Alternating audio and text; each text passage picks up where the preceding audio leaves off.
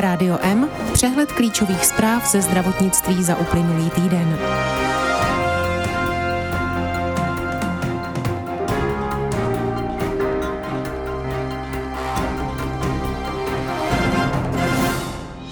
Ústavní stížnost na všechno nenavrhuje řešení, říká o návrhu senátorů Petr Šustek. Ve fakultní nemocnici Motol vyměnili plíce pacientovi s těžkým covidem. Vznikají pravidla poradního orgánu ministra pro orfany. Protikovidová opatření mírní nákazu černým kašlem. Opařany nekončí, noví lékaři dostanou milion korun. Dálkový monitoring a vzdálené konzultace mohou šetřit kapacity. EMA zahájila přeskum první tablety proti COVID-19. V USA úspěšně napojili prasečí ledvinu na lidské tělo. Další studie potvrdila důležitost zdravého životního stylu. Rádio M z Českého zdravotnictví. Ústavní soud by měl již brzy rozhodnout o stížnosti skupiny senátorů, která míří na celou řadu pilířů zdravotnického systému. Pokud by se rozhodl stížnosti vyhovět, mohlo by to znamenat destabilizaci českého zdravotnictví. Jak poukazuje expert na zdravotnické právo Petr Šustek, dosáhnout na tomto poli dohody je velmi náročné. I když soud nedá stížnosti za pravdu, může odůvodnění poskytnout větší jistotu při řešení právních sporů do budoucna. V oblasti tvorby sítě by ale i podle Šustka bylo potřeba legislativně ukotvit procesy tak, aby byly postupy transparentnější. Ústavní stížnost čítající 60 stran poukazuje na nerovnosti pacientů v přístupu k hrazené zdravotní péči, pokřivené prostředí v oblasti ekonomiky zdravotnictví, kdy poskytovatelé stejného typu dostávají za ty též služby zaplaceno odlišně jen z historicko-politických důvodů, neetická pravidla úhrad, cenotvorné mechanismy nezohledňující náklady a přiměřený zisk, či celkovou nepředvídatelnost úhradového systému.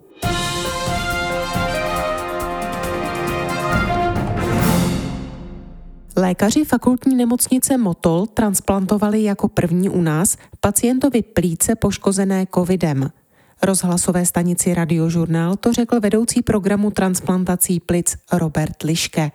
Nemocný, kterému plíce selhaly po těžkém průběhu onemocnění COVID-19, byl 200 dní napojen na mimotělní membránovou oxygenaci. Podle Liškého je to extrémně dlouhá doba, po kterou byl ale pacient plně přivědomý a sám jedl. 60-letý muž čekal na vhodné plíce 122 dní. Poté nemocnice 19. září přistoupila k velmi náročné operaci, kterých bylo podle lékaře na světě zatím provedeno jen asi 30. Operace trvala přibližně 8 hodin a skončila úspěšně. Pacient byl po pěti dnech odpojen od mimotělního oběhu, asi po třech týdnech od ventilátoru.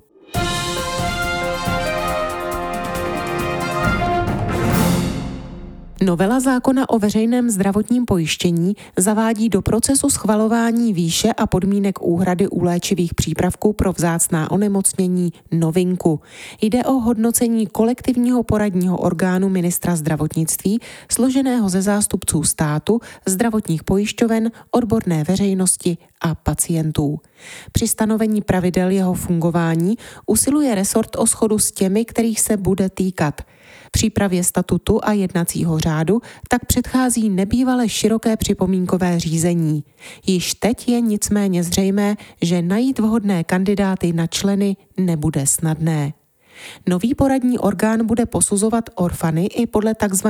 měkkých kritérií, jako je například celospolečenský význam případného terapeutického ovlivnění nemoci a dopady na zdravotní a sociální systém.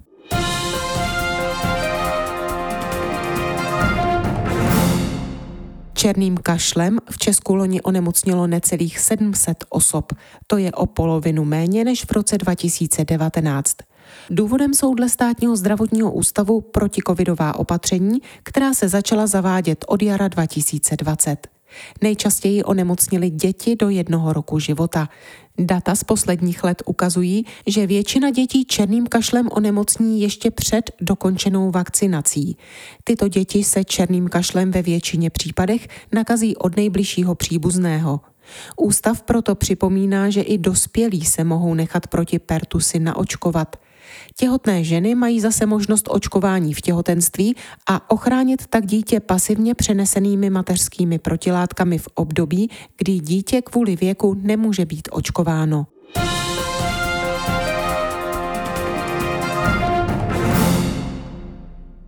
Dětská psychiatrická nemocnice v Opařanech na Táborsku nezavře. Její zřizovatel, ministerstvo zdravotnictví, pro ní zajistil dětské psychiatry. Odměnou jim dá finanční benefit milion korun. O ukončení provozu jedné ze tří dětských psychiatrických nemocnic v Česku informoval na začátku září jeho český hejtman Martin Kuba.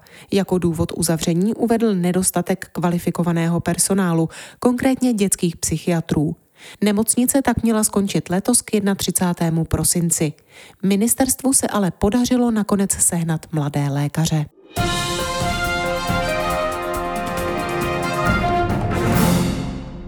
Práce na jasném ukotvení telemedicíny v českém zdravotním systému zintenzivnily.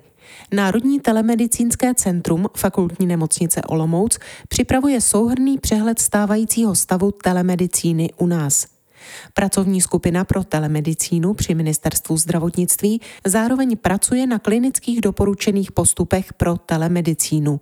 Vznikne také registr pacientů telemedicínských služeb pod Ústavem zdravotnických informací a statistiky. Pro zavedení standardních úhrad telemedicínských služeb se aktuálně snaží pracovní skupina pro telemedicínu vytipovat zhruba šest pilotních projektů, na kterých by se mohl prověřit postup stanovení úhrady. Jednotlivé odborné společnosti doporučily oblasti, které by se k tomu hodily. Například v odbornosti všeobecného praktického lékařství přichází v úvahu využití domácího tonometru a glukometru s dálkovým přenosem dat k lékaři v léčbě pacientů s arteriální hypertenzí a diabetes mellitus druhého typu. U gastroenterologů je ve hře projekt dálkového sledování pacientů s idiopatickými střevními záněty. V kardiologii se mimo jiné uvažuje o dálkovém sledování pacientů s chronickým srdečním selháním. Rádio M ze zahraničí. Antivirotická pilulka Molnupiravir se zřejmě brzy dočká registrace pro unijní země. Evropská agentura pro léčivé přípravky již zahájila hodnocení její účinnosti a bezpečnosti při léčbě COVID-19. Podle klinických testů zveřejněných počátkem října snižuje protivirový léčivý přípravek zvaný molnupiravir riziko hospitalizace a úmrtí až o polovinu. Lékaři u něj navíc oceňují jednoduchý způsob podání v tabletové formě. Léčeni by jim mohli být i pacienti s mírnějším průběhem COVID-19.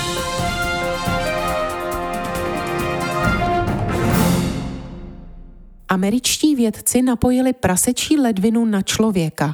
Ledvina pocházela ze zvířete, které prošlo genetickou úpravou, jež snížila hladinu cukru.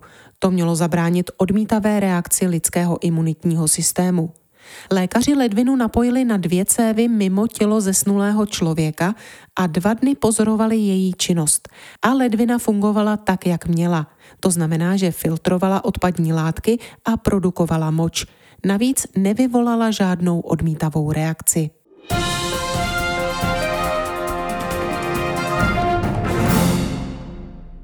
Podle studie publikované v časopisu Evropské kardiologické společnosti European Journal of Preventive Cardiology mají dospělí ve středním věku se zdravým srdcem menší pravděpodobnost vzniku diabetu druhého typu. Výzkum zjistil, že důležitost příznivého kardiovaskulárního zdraví byla zjevná bez ohledu na genetickou pravděpodobnost vzniku diabetu druhého typu. Příznivé kardiovaskulární zdraví bylo definováno jako zdravá tělesná hmotnost, krevní tlak a cholesterol, nekouření, vyvážená strava a fyzická aktivita.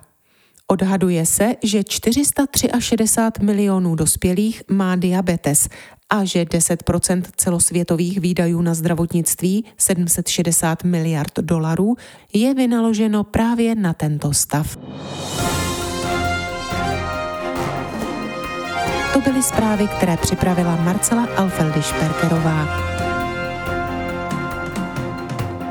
Naslyšenou příště se od mikrofonu těší Marcela Žižková.